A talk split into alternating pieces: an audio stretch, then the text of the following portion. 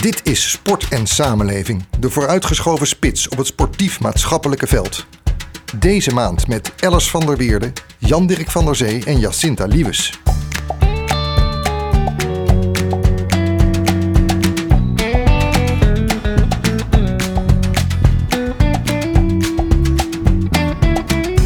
Welkom bij de Sport en Samenleving podcast. Een maandelijkse podcast met uw host Lennart Boy, de gast van de maand en andere deskundigen. Voor je maandelijkse dosis inspiratie en wijsheid over beleid en praktijk in de sport. Deze podcast is een initiatief van Team Sport Service, de provinciale sportorganisatie van Noord-Holland, Zuid-Holland en Utrecht. Ze ondersteunen veel gemeentes bij de ontwikkeling van het sportbeleid en voeren dit sportbeleid in veel gevallen ook voor ze uit. In deze podcast bespreken we de ontwikkelingen en uitdagingen van het sportbeleid in de lokale praktijk. Iedereen die in deze wereld van sport en samenleving actief is, van bestuurder, ambtenaar, buurtsportcoach tot vakleerkracht of trainer, willen we met onze mooie gasten inspireren en wijzer maken. Deze keer met Alice van der Weerde, Jan-Dirk van der Zee en Jacinta Liewes over de uitdagingen waarmee sportverenigingen op dit moment worstelen en de kansen die zij zien. Maar we beginnen zoals altijd met de actualiteit. De actuele ontwikkelingen rondom het coronavirus gaan snel. We spreken erover met Alice van der Weerde, directeur van Team Sport Service. Welkom Alice, goedemorgen. Goedemorgen. Ja, we zijn een maand verder nu met dat uh, coronacrisisverhaal. Hoe gaat het met de sport op lokaal niveau? Nou, wat we zien is uh, vooral de verenigingen hebben het moeilijk. En dan uh, met name de verenigingen met betaald kader. Uh, en de verenigingen die afhankelijk zijn van hun barinkomsten en uh, aanvullende activiteiten, zoals toernooien, uh, eindfeesten en veilingen. wij zelf als Team Sport Service houden op dit moment lokale en regionale webinars met verenigingen om ze te informeren over landelijke ondersteuningsmogelijkheden en ze te helpen met uh, vraagstukken. Is dat dan zo dat mensen online uh, meekijken en jullie geven instructies of uh, vertellen verhalen via de. Dat klopt, ja. ja. Dus dat wordt online gedaan en daar neemt bijvoorbeeld ook onze bedrijfsjurist neemt daar aan deel. Want je ziet echt dat de vraagstukken die actueel zijn, gaan met name over het juridische en het financiële vlak. Dus alle consequenties die verenigingen nu onder ogen moeten zien. Precies. En uh, die, uh, voor sommige verenigingen valt het mee, maar er is ook een aantal verenigingen waarvoor het echt uh, een grote impact heeft. En de vragen die we dan krijgen, dat gaat heel vaak over uh, hoe gaat het met mijn huurinkomsten of de huurovereenkomsten, de, de huurbetalingen. Uh, hoe moet ik omgaan met de sponsorcontracten? Sponsoren haken af. Moet ik wel of niet uh, een algemene ledenvergadering houden? Dus met dat soort vraagstukken helpen we ze op dit moment. Nou, je zou natuurlijk juist hopen dat juist nu sponsoren zeggen: we houden die verenigingen overeind. En bijvoorbeeld mensen die lid zijn, we blijven natuurlijk contributie betalen. Maar gaat het dan toch her en der mis? Het gaat toch her en der mis. Uh, bij sommige uh, takken van sport heb je kwartaalcontributies. Dus het is wat makkelijker om af te haken. Uh, en ja, mensen zijn zelf ook bang voor hun portemonnee. Maar ja. ik wil toch een oproep doen. Ga door met het betalen van je contributie. Verenigingen zijn de, heel belangrijk voor de basis sportinfrastructuur. En bovendien zorgen ze voor sociale cohesie. Uh, en er is een ongelooflijk groot deel aan vrijwillige inzet die daar gepleegd wordt. Dus in feite kost het de samenleving maar heel weinig. Ja, en dan hoe heb je de nieuwe richtlijnen en maatregelen van het kabinet ervaren? Want er was natuurlijk toch een beetje hoop dat er wat sneller, uh, dat we uit de lockdown zouden geraken. Ja, allereerst natuurlijk heel positief hoe prominent dan de sport tijdens zo'n persconferentie door premier Rutte naar voren wordt gehaald. Uh, het kabinet ziet ook sport duidelijk als een belangrijk middel voor uh, de fysieke en mentale gezondheid in de samenleving. Uh, en dat hebben we aan de lijf ondervonden op het moment dat je opgesloten zit thuis. Hoe belangrijk dat sport en bewegen eigenlijk voor ja, ons ik allemaal zie overal natuurlijk inmiddels creatieve video's voorbij komen van mensen die thuis toch proberen heel erg hard te lopen of hard te fietsen. Of zelfs in bad nog een 80 meter baantjes proberen te maken. Ja, ja, al dat initiatief. Het, het, uh, je ziet ook, en dat is natuurlijk ook de positieve kant, het levert ontzettend veel creativiteit op en het stimuleert nieuwe ontwikkelingen. Uh, en wat natuurlijk zo direct heel mooi is, als die kinderen weer aan, aan, uh, aan het sporten mogen, dat het aanbod, en daar heeft de regering ook uitdrukkelijk naar opgeroepen, niet alleen maar is voor de leden, maar ook voor niet-leden. En daarmee is er ook een fantastische kans om kinderen in aanraking te brengen met die sportvereniging, met een favoriete sport, om ze straks uh, ook erbij te betrekken op het moment dat het coronavirus is uitgevoerd. Want hoe zien jullie dat voor je? Zou je het je kunnen voorstellen dat je straks die halve dag school verbindt met een halve dag sport? Dat zou natuurlijk fantastisch zijn. En daar haken bijvoorbeeld uh, uh, naschoolse opvang, sportnaschoolse opvang al op, uh, op aan. Maar ja, je ziet, je ziet op dit moment allerlei initiatieven om dat te verbinden. Uh, een voorbeeld is bijvoorbeeld de Hockeybond, die zijn clubhuizen ter beschikking heeft gesteld, zodat scholen uh, die ruimte tekort komen, die, die clubhuizen kunnen gebruiken. Vervolgens kun je de, de, velden gebruiken voor bewegingsonderwijs. Maar je kunt je ook voorstellen dat we toch veel meer gaan naar een schooldag waar uh, sport een veel prominenter deel uitmaakt van de schooldag. Ja, het is natuurlijk fantastisch om te zien hoeveel samenwerking er is. Zijn ook gemeenten bereid om verenigingen te ondersteunen. Absoluut. Die bereidheid is er uh, uh, aan alle kanten. Ik kan er ook een uh, paar prachtige voorbeelden van geven. Zoals bijvoorbeeld de gemeente Kocheland. Die heeft de uitbetaling van de subsidie van 2020 naar voren gehaald. Of Schagen, die heeft gezegd de inning van de gemeentelijke heffingen gaan we opschorten. Medemblik bijvoorbeeld, die heeft gezegd we ontheffen je op dit moment van de, van de verplichting tot het plegen van groot uh, groot onderhoud van de gehuurde sportvelden. En SRO Haarlem die heeft uh, uitstel van betaling gegeven van, uh, van de huurfacturen. Ja, dat zijn natuurlijk hele mooie voorbeelden waarbij er eventjes lucht wordt gecreëerd om net even te overbruggen, zodat we straks, als er toch weer openheid mogelijk is, na de anderhalve meter iedereen te laten ademen. Absoluut. En het, uh, ik zou zeggen, volg het voorbeeld. Ja, en dat is natuurlijk wel fantastisch om te zien dat Nederland elkaar wel heel snel weet te vinden. Hè? Fantastisch. En dan zie je ook dat sport echt een bindmiddel is in de maatschappij. En uh, daar moeten we nu echt ook optimaal gebruik van maken en het vooral ook vasthouden. Nou, heel erg dank voor uh, jouw toelichting en ook uh, de mooie voorbeelden die je hebt genoemd. Blijf gezond, dank je wel en tot de volgende keer. Tot de volgende keer. Dan is het nu tijd voor een gesprek met onze hoofdgasten Jan-Dirk van der Zee, directeur amateurvoetbal en vrouwenvoetbal bij de KNVB, en Jacinta Liewes, voorzitter van de vereniging Odin 59 uit Heemskerk. Welkom voor jullie beiden. Fijn dat jullie hier, uh, hier zijn. Jacinta, mag ik met jou beginnen? Hoe ben jij bij de sport terechtgekomen? Je bedoelt bij Odin? Uh, nou ja, deze, gewoon bij sport. Ja, hoe, hoe ben je bestuurlijk betrokken geraakt bij sport?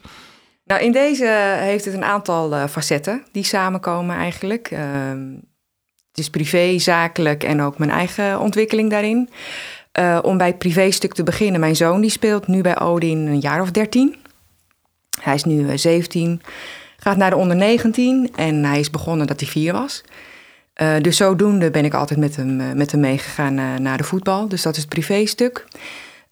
daarnaast heb ik ja, van huis uit is het een beetje met de paplepel ingegoten. Mijn vader die was heel actief betrokken bij zijn club. Dat is een paar dorpen verder. Uh, dus het was voor ons heel normaal om, uh, ja, om, om met, je, met je sport bezig te zijn. In de tussentijd, hè, uh, nou ja, in de tussentijd, want in, in de, de informatie die ik heb gezien, heb je gezegd van, hè, van F-coördinator naar voorzitter. Dat is best een, een sprong. Ja, want je was natuurlijk staande aan, kan ik me voorstellen, sta je aan de lijn aan te moedigen, maar dan besluit je dan ook om de F'jes te coördineren. Ja, maar dat is natuurlijk een hele tijd geleden, want het is meer dan tien jaar geleden. En in die tussentijd ben ik me professioneel veel meer gaan ontwikkelen. Uh, een aantal post-HBO's gedaan, een master gedaan. Allemaal gericht op uh, het ontwikkelen van teams, organisaties en mens. Dus heel erg op het uh, organisatievlak. Uh, ontwikkelingsvlak. En uh, nou, sinds een jaar of vijf werk ik als extern procesbegeleider voor de KNVB en NOC-NSF. Dus voor mij kwam eigenlijk alles een beetje samen. Waarin ik dacht van ja, het is wel leuk om dat heel erg vanuit de theorie, hè, vanuit procesbegeleiding, is natuurlijk vanaf de zijlijn te doen.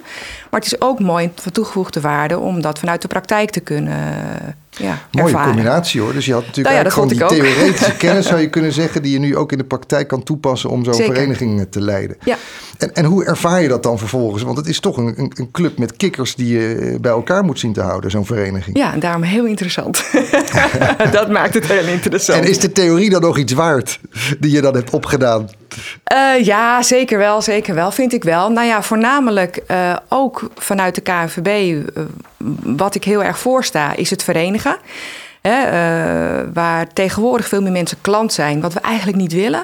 Maar veel meer zich betrokken voelen en echt lid gaan worden. Dus echt hun actieve steentje bij gaan dragen. Meer gemeenschapszin dus ook. Ja, en, en daarna iets van fan en ambassadeur. Dat zou natuurlijk helemaal mooi zijn. En dat lukt wel, vind ik. Maar je hebt gewoon een lange adem nodig. Ja lange adem, er heel veel mee bezig zijn. En Ja. dan toch ook een hoop uh, plezier van het feit dat je die theorie uh, achter je hebt, die je nu in de praktijk uh, kan brengen. Ja, zeker. Jan-Dirk van der Zee, je bent uh, nu directeur amateurvoetbal en vrouwenvoetbal bij de KNVB. Maar ik heb begrepen dat jij een geschiedenis hebt in de mode. Leg eens uit. Ja, zeker heb ik dat. Je zou het niet zeggen trouwens vandaag, maar goed. Grapje. Het is casual day. Voor de Ja, het is luisteraars casual vrij day. casual gekleed. Ja. Koning, Koningsdag. Nee, maar uh, ja, ik, ik, van origine kom ik uit de horeca. Mijn ouders hadden een horecabedrijf in uh, Friesland. En uh, ik, ik, wist dat ik dat in ieder geval niet wilde doen. Als ik echt later groot werd. Waarom niet? Ja, ik, ja ik, eigenlijk, uh, als, als ik even naar mijn, naar, naar mijn geschiedenis kijk als kind. Uh, je hebt ontzettend weinig vrij. Je hebt geen vakanties. Het is ieder weekend uh, knallen. Iedere nacht bijna ook. Uh, dus ik dacht van, nou, dat wil ik niet. Ik wil ook nog een beetje vrij zijn. Het is dag en nacht. Het is echt ja, dag en dat nacht. is dag en Het is echt knallen. En het, er zat een klein bedrijfje. En dan is het, nou, um, zeven, zeven dagen per week. 24 uur per dag bijna. En dat voel je. Ik, had, ik heb één zusje. Dat voel je gewoon als kind natuurlijk ook. En je dacht, nou, die mode, dat is twee keer per jaar een collectie. Dat is te doen. Dat, zou, dat, dat dacht ik toen nog. Dat was toen. Nee, dat dacht ik toen nog.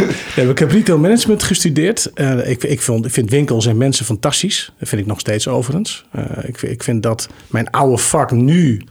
Uh, als je even naar retail kijkt, is natuurlijk een enorme uitdaging, maar ook wel weer een hele spannende kans. Hè? Dus, uh, als, je, als, je, als je het een beetje positief bekijkt. Um, dus ik, heb, uh, ik, ik, ik, kijk nog wel veel naar wat er in, die, in mijn oude wereld gebeurt. Maar ik heb inderdaad, ik kom vanuit de mode. En ik ben na uh, Vromend Reesman en CNA ben ik bij een brancheorganisatie terechtgekomen. Dat heette destijds MITEX, de middenstanders in de textiel. En later zijn dat met allemaal samenwerking en een fusie met de woonbranche... is dat een grote retail non-food belangenorganisatie geworden. En die heb ik, ik heb daar 16 jaar gewerkt en 10 jaar mogen leiden als algemeen directeur. Uh, dus echt in de lobby en de belangenbehartiging. Eigenlijk alles wat je de afgelopen weken allemaal voorbij ziet komen... in extremis, zou je bijna kunnen zeggen... heb ik, de af, heb ik in, die, uh, in die 16 jaar ook mogen doen. Voor, uh, voor, voor de ondernemers, 17.000 ondernemers. Nou ja, ik kan me voorstellen dat die belangenbehartiging overeenkomt met wat je nu doet Ja. vanuit de KNVB. Ja, zeker. Maar altijd al wel een, een kloppend hart voor de sport gehad. Altijd, ja. Ik ben altijd uh, uh, een, uh, een professioneel amateurvoetballer geweest. Vond ik zelf. nee, ik, ik heb vierde klasse, derde klasse, tweede klasse gespeeld op amateurniveau in, in Deventer en Groningen. Gorredijk, waar ik ben geboren, het grootste gedeelte, doorgebracht. En mijn laatste jaren in, bij AC Nieuwland in, in Amersfoort, waar ik nu woon. Ja. Dus ik heb een kleine 38 jaar gevoetbald. Nog steeds, of niet? Nee, nee, nee, jammer genoeg niet. Ik ben 14 jaar geleden gestopt vanwege mijn rug. Ja. En toen ben ik zoals heel veel mannen en tegenwoordig ook vrouwen die stoppen met voetballen, gaan wielrennen Oh, ja. en een beetje gaan hardlopen. Dus, Ja, uh, dus maar je ik mis komt nog wel wel, iedere eh, dag. Ja, dat snap Ook ik. met deze dagen kom je nog wel lekker buiten. Ja, nou, ja, nou en of. Ja. Zeker. Heel Ja. goed. Gisteren een mooi rondje gefietst. Het is Heerlijk. fantastisch, hè? Ja, het is Ja, prachtig. Jacinta, we hoorden net al even, je was uh, coördinator van uh, en uiteindelijk uh, bij Odin teruggekomen als voorzitter. Uh, dat doe je inmiddels uh, al zo'n uh, jaar of vijf. Hoe staat de club er momenteel voor met deze moeilijke en ingewikkelde tijd? Het is zeker een ingewikkelde tijd. Laten we vooropstellen dat uh, volksgezondheid natuurlijk op één staat. Hè. Daar uh, dingen we niks van af. Uh, maar met het bericht uh, dat de competitie werd gestopt, eigenlijk per direct was dat. Dat was wel een hele grote anticlimax met hoofdletters voor ons. Stonden jullie er goed voor? Waren jullie. Uh... Wij stonden er hartstikke goed voor op meerdere vlakken. Dus er was een hele goede positieve flow binnen de vereniging op, op tal van, ja, van vlakken. Jeugdtoernooien kwamen we er weer aan. we waren net gestart om meer vrijwilligers aan onze club te verbinden. Dus er was een participatieraad vanuit de overige senioren was opgestapt. Uh, we waren bezig om met de communicatie uh, die te verbeteren binnen de organisatie. Dat is altijd een heikel punt, hè, communicatie. Uh, en daarnaast prestatief was het ook heel erg uh, interessant. Want ja, zowel onze eerste als tweede stonden gewoon erg bovenaan. Ja, en dan wordt het toch opeens uh, als een domper ervaren, kan ik me Ja. voorstellen, als dat zo abrupt wordt afgebroken. Hè? Dat was het inderdaad, ja.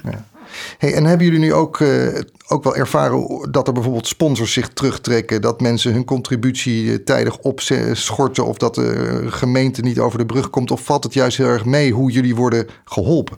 Nou, ik vind dat het heel erg meevalt. Ik vind niet eh, dat wij heel veel leden hebben. Nou ja, ik denk dat heel veel leden ons warm hart toedragen, laat ik het zo zeggen. En er, ja, er komen natuurlijk veel steunmaatregelen. Hè? De KVB, NOC, NSF, ING. Maar ook de Rabobank die zijn initiatieven aan het ontplooien. Waar we gebruik van kunnen maken. De overheid natuurlijk. Uh, dus we moeten het een en ander in kaart brengen. Heel gelukkigerwijs hebben wij het heel goed gedaan in de beker de afgelopen rondes. Daar zijn we heel blij mee. Uh, want dat helpt ons financieel natuurlijk ook wel wat op de been. Ja. Uh, want het is natuurlijk best een aderlating financieel.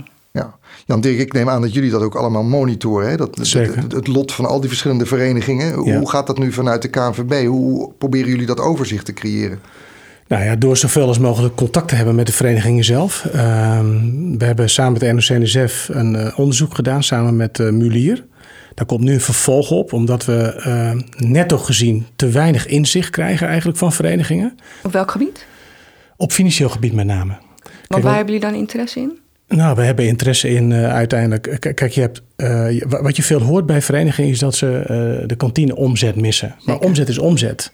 Ja. Uiteindelijk gaat het netto, en dat is wat de minister natuurlijk ook aan ons vraagt. Wat, wat, wat verlies je netto? Dus dat is je marge.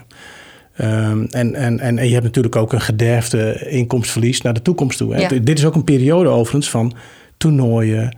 Zeker. Uh, beker. Mooi weer. Districtsbekers, terrasjes. mooi weer, terrassen. Ja. Nou dus, ja, we horen ook dat externe verhuur natuurlijk is weggevallen. Ja. Als je toevallig je clubhuis Ja. kan verhuren of Ja. velden ter beschikking had aan Zeker. anderen. Dat gebeurt. Ja. Dus, dus wat, we, wat we inzichtelijk willen krijgen is wat, wat, wat kost het nu uiteindelijk, uiteindelijk netto? Mhm. Uh, dat is voor de overheid ook belangrijk om ons straks uh, nog meer te kunnen helpen met steunmaatregelen. Hoe is dat bij jullie, Jacinta? Hebben jullie al een beeld van wat het je netto gaat kosten?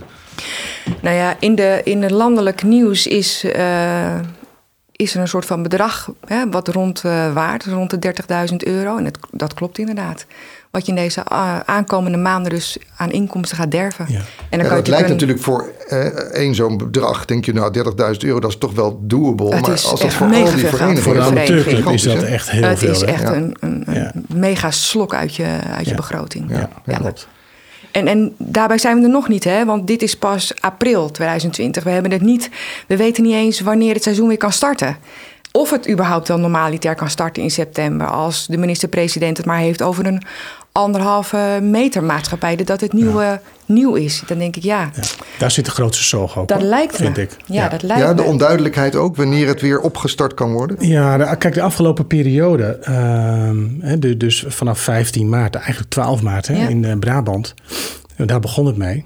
Hebben we, denk ik, clubs, en, eh, en daar zit de club zelf natuurlijk ook gewoon bovenop, eh, en met name kunnen helpen met liquiditeit. Hè, want Mhm. dat is wel een probleem. Als je vaste kosten doorlopen, nou, daar horen wij een paar schrijnende gevallen in, eh, in Nederland van, eh, van de 3000 clubs. Maar over het algemeen kunnen clubs het toch wel rooien. Eh, met veel loyaliteit van Ja. sponsoren, vrijwilligers, noem maar op. Ehm, nu de komende periode, dat wordt echt spannend. Want die vaste kosten gaan door. Daarover zijn we overigens ook in gesprek met de Nederlandse gemeente, Vereniging Nederlandse Gemeenten en ook de eh, Mhm. ministerie om te kijken of de, voor die huurlasten ehm, of nog verder kunnen uitstellen. Eh, dan wel kunnen afstellen. Het zou nog mooi zijn dat je ze niet hoeft te betalen. Dat is fijn voor veel Dus verenigingen. je ziet vooral die gemeentes die meedenken. Ja. Je ziet sponsoren die toch wel ondersteuning geven. Het afgelopen periode is dus liquiditeit. En, en nu naar de, naar, de, naar, de, naar de nieuwe seizoen toe wordt het cruciaal van ja, hoeveel, krijg, hoeveel nieuwe leden krijg ik erbij? Wat is de uitstroom van mijn leden? Ik denk dat dat op dit moment nog wel mee, meevalt. Monitoren we overigens ook iedere maand. Hè. We zien wel iets meer uitstromen, iets minder instroom aan nieuwe leden. Ja, want Jacinta, neem ons eens even mee. Hoe zit dat bij jullie? Je staat natuurlijk inderdaad net op het moment om de balans op te maken van we gaan straks naar een nieuw seizoen. We willen Ja. leden in- en uitschrijven. Zeker. Je moet eh, nadenken over het wegvallen van inkomsten, maar je moet je ook alweer voorbereiden Op het nieuwe een- seizoen. Ja, Ja. op een nieuw seizoen met Ja. anderhalve meter, maar waar je in ieder geval voor de jeugd al het een en ander van kan doen. Ja. Vertel eens, hoe, hoe zit dat bij jullie? Eh, nou, voor ons kwam eigenlijk het nieuws dat eh, de trainingen weer hervat mochten worden op een mooi punt. Vind ik zelf. Uh, want de jeugd tot en met 12 die mag gewoon weer trainen.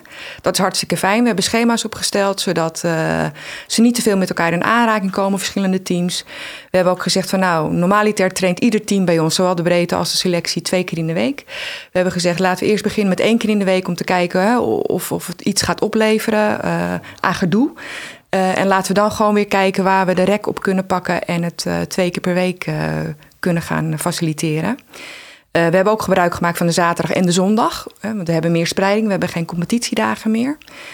Um, ja, en voor de, de, de hogere uh, leeftijden, vanaf 13 tot en met uh, 18, zullen er wel wat aangepaste vormen moeten komen. Ja. Dat wel. En heb je daar al ideeën over? Waar denk je dan aan? Nou ja, ik kan me van alles voorstellen. Conditie is een, uh, sowieso een goed punt.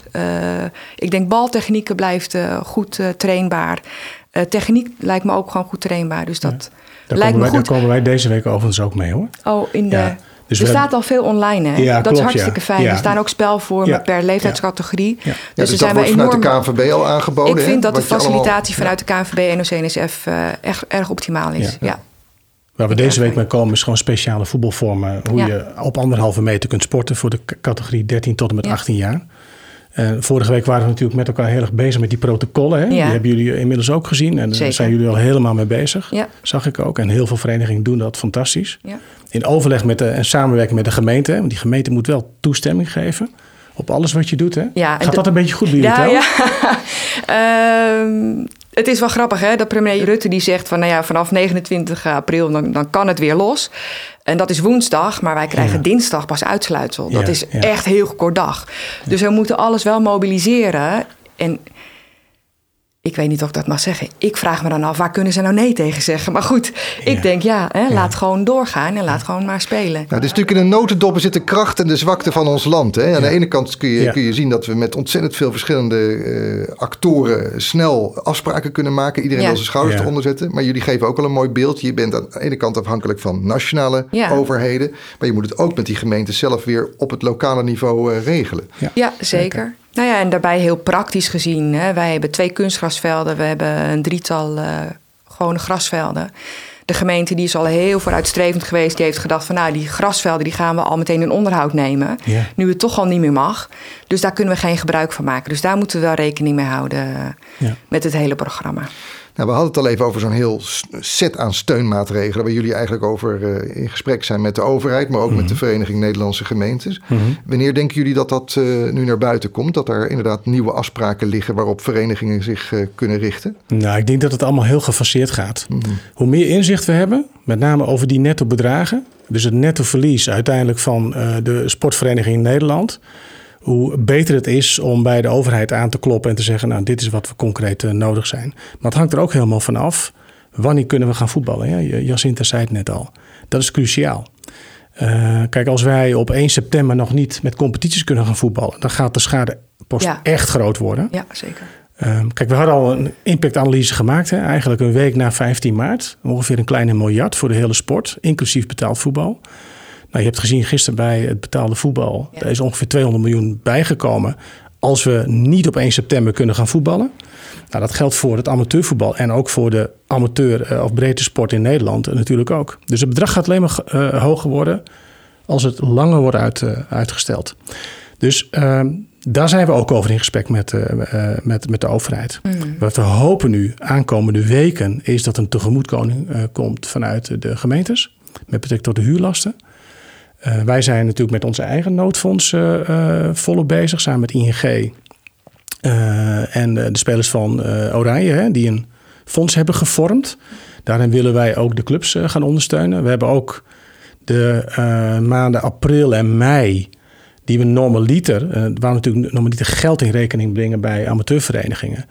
Uh, hebben we uh, uh, gerestitueerd hè? of kwijtgesold. Het is net hoe je het bekijkt. Het is eigenlijk een soort gas-water-elektra ja. voorschotregeling die wij hebben met verenigingen. En in juni maken we een soort eindafrekening op.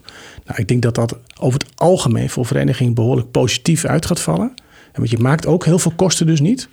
Ja, dan is die zomerperiode even overbruggen en dan hopen dat we op 1 september nou ja, misschien laten we eens hopen 1 oktober kunnen gaan voetballen. Dat, dan, dan, dan beperk je de schade. Daar, daar, hoop je op. Dan heb je de schade enigszins beperkt, zeg je. Maar tegelijkertijd, we kijken natuurlijk ook naar een hele lange zomer... waarvan nu al wordt gezegd, nou, waarschijnlijk niet op vakantie. Mensen moeten allemaal thuis Ja, blijven. Zoek je hel maar in eigen land. Ja. Ik kan me voorstellen, Jacinthe, dat dat ook heel veel gaat betekenen... voor verenigingen zoals die van jou...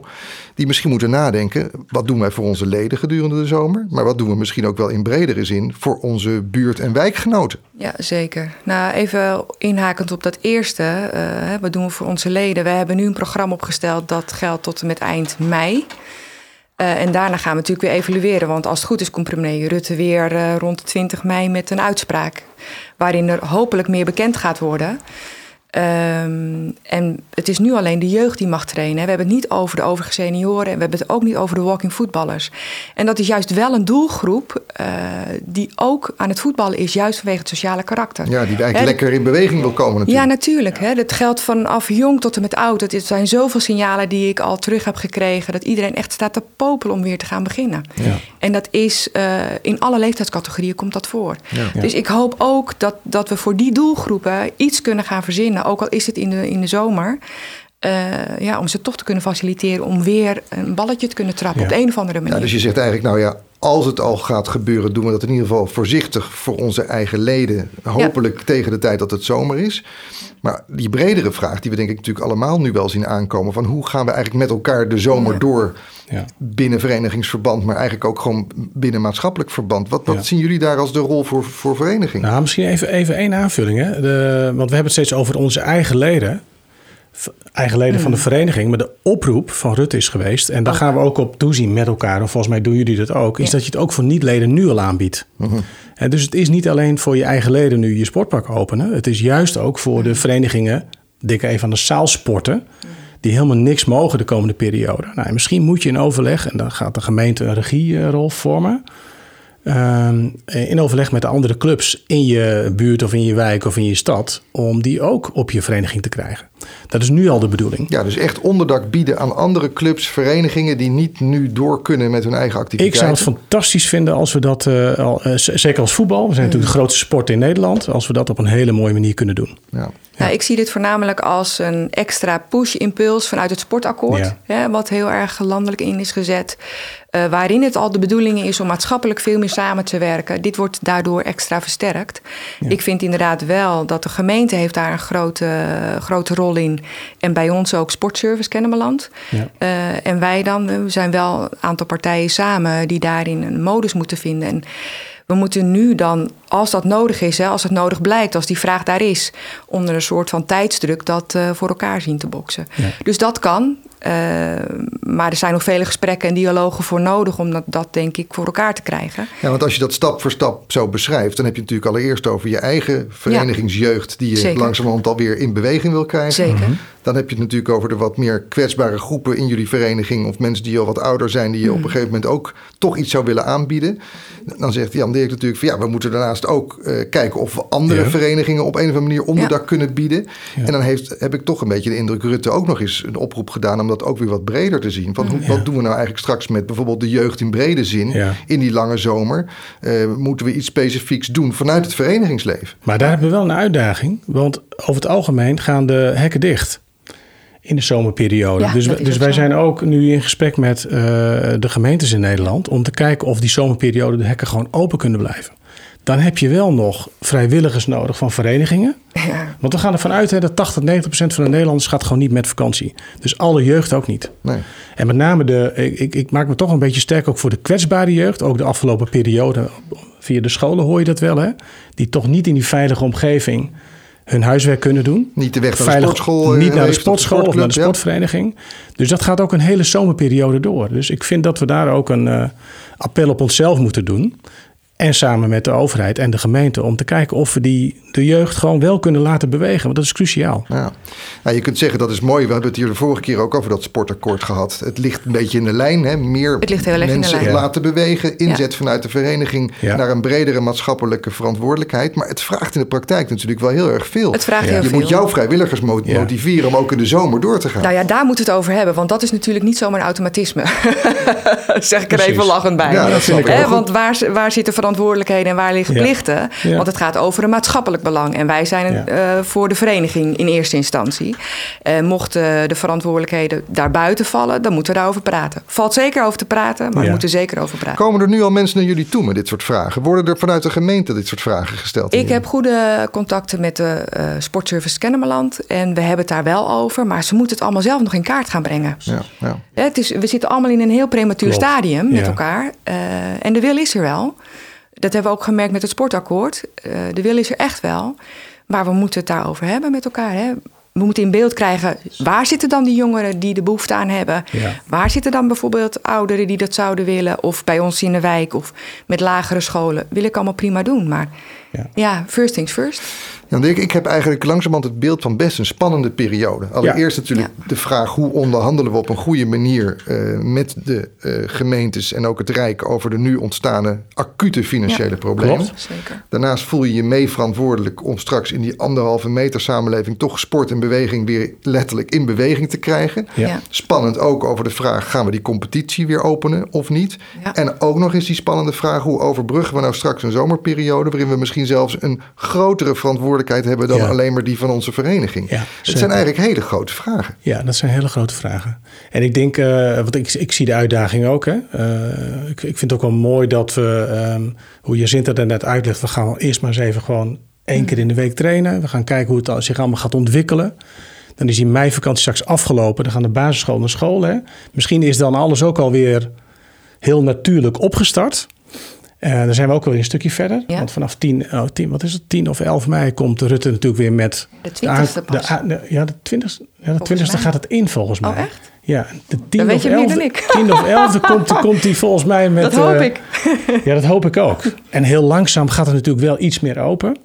Eh, ik denk echt nog wel dat we met die anderhalve meter eh, sporten, en sporten en samenleving rekening moeten houden. Ook in de, bij de start van het nieuwe seizoen. Ben Dat is natuurlijk hartstikke lastig. Ja, dat is echt heel lastig. Hoe gaan we dat doen? Ja. Met al die competities. Nou, we hebben eigenlijk dus nog een heleboel vragen als je naar de, toekomst Ja. kijkt. Tegelijkertijd vind ik het ontzettend hoopgevend hoe jullie er nu over praten. Wat je allemaal al wel in beweging zet en aan, aan het doen bent. Eh, maar het is wel eigenlijk echt een, eh, een woord vervolgd vraag. Omdat we gewoon niet weten eh, hoe snel we een beetje open kunnen. En hoe we die zomerperiode gaan, gaan overbruggen. Ja. Eh, met andere woorden, we zullen misschien wel weer bij jullie moeten terugkomen. Om eh, straks in, eh, in mei of juni te horen hoe het ervoor staat. Ehm, ja, die nieuwe competitie. Dan maar eventjes gewoon een laatste gokvraag. Gaan we die in september openen? Wat denk je zelf, Jacinthe? Ik kan alleen maar de wens uitspreken. Ja, het is hoogst onzeker. Dat hoor ik je Ja, het zeggen. is, het is een hele bizarre situatie. Het is een hele nieuwe werkelijkheid waarbij iedere stap die we zetten totaal nieuw is voor ons allemaal. Ja. Ehm, dus dat blijft gewoon heel onzeker. Ja, ik ben, ik, ik, ik, ik ben altijd heel positief. Dat wordt, wordt me ook wel eens verweten in de organisatie.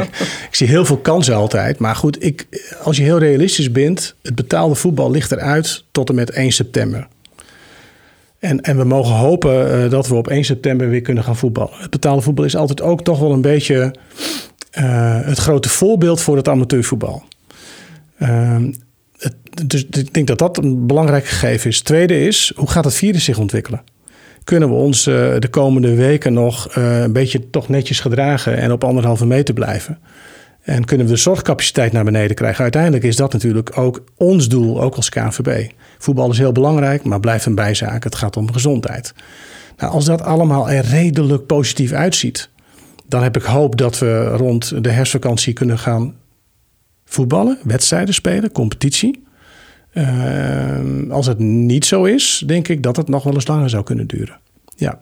Nou, Dus spannende ben- vragen. Ja, heel spannend. En het Nou ja, wordt vervolgd. Het Ja. wordt zeker vocht. Aan de ene kant is het natuurlijk wel een bijzaak voetbal. Aan de andere kant merk ik wel dat het heel veel sociale impact heeft. Absoluut. Ja, Dus ik vind het wel enorm belangrijk dat we ook zo snel mogelijk weer kunnen gaan starten. En het is een hele moeilijke situatie, dat is het. Aan de andere kant geeft het ook een kans. Hè? Ja. Want ik heb nu ook meer kansen als bestuurder, omdat ik gewoon meer ruimte heb. eh, om die organisatie gewoon wat, ja, wat, wat makkelijker neer te zetten. Ja, Nou, je zegt het wel Ja. mooi, omdat je Ja. daarmee ook aangeeft... het is niet alleen maar dat voetbal. Het Crisis is ook geeft de gemeenschap. Ja. Het feit dat mensen Ja. samenkomen... En, en elkaar eigenlijk positief op die manier beïnvloeden. Ik hoor dat dat aspect zo wordt gemist. Ja. En inderdaad, voetbal is bijzaak. Hè. Hoofdzaak is, is de gezondheid. Ja. Maar het sociale aspect is enorm belangrijk, die cohesie. Nou, wij hopen dat we weer heel snel lekker in beweging kunnen komen. Ik wil u ongelooflijk bedanken voor eh, dit gesprek. Jan-Dirk van der Zee, directeur amateurvoetbal en vrouwenvoetbal bij de KNVB. En Jacinta Liewes, voorzitter van de vereniging Odin 59. Dank jullie wel. Graag gedaan.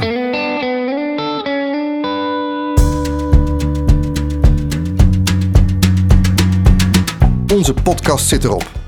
We hopen dat je bent bijgepraat. Voor meer informatie, tips en vragen verwijs ik je graag naar het e-mailadres podcast.teamsportservice.nl. En Rico Damo, onze eindredacteur, staat er altijd open voor om goede adviezen en ideeën te ontvangen. Vergeet je ook niet te abonneren op deze podcast. De podcast Sport en Samenleving is een initiatief van Team Sportservice, de provinciale sportorganisatie van Noord-Holland, Zuid-Holland en Utrecht.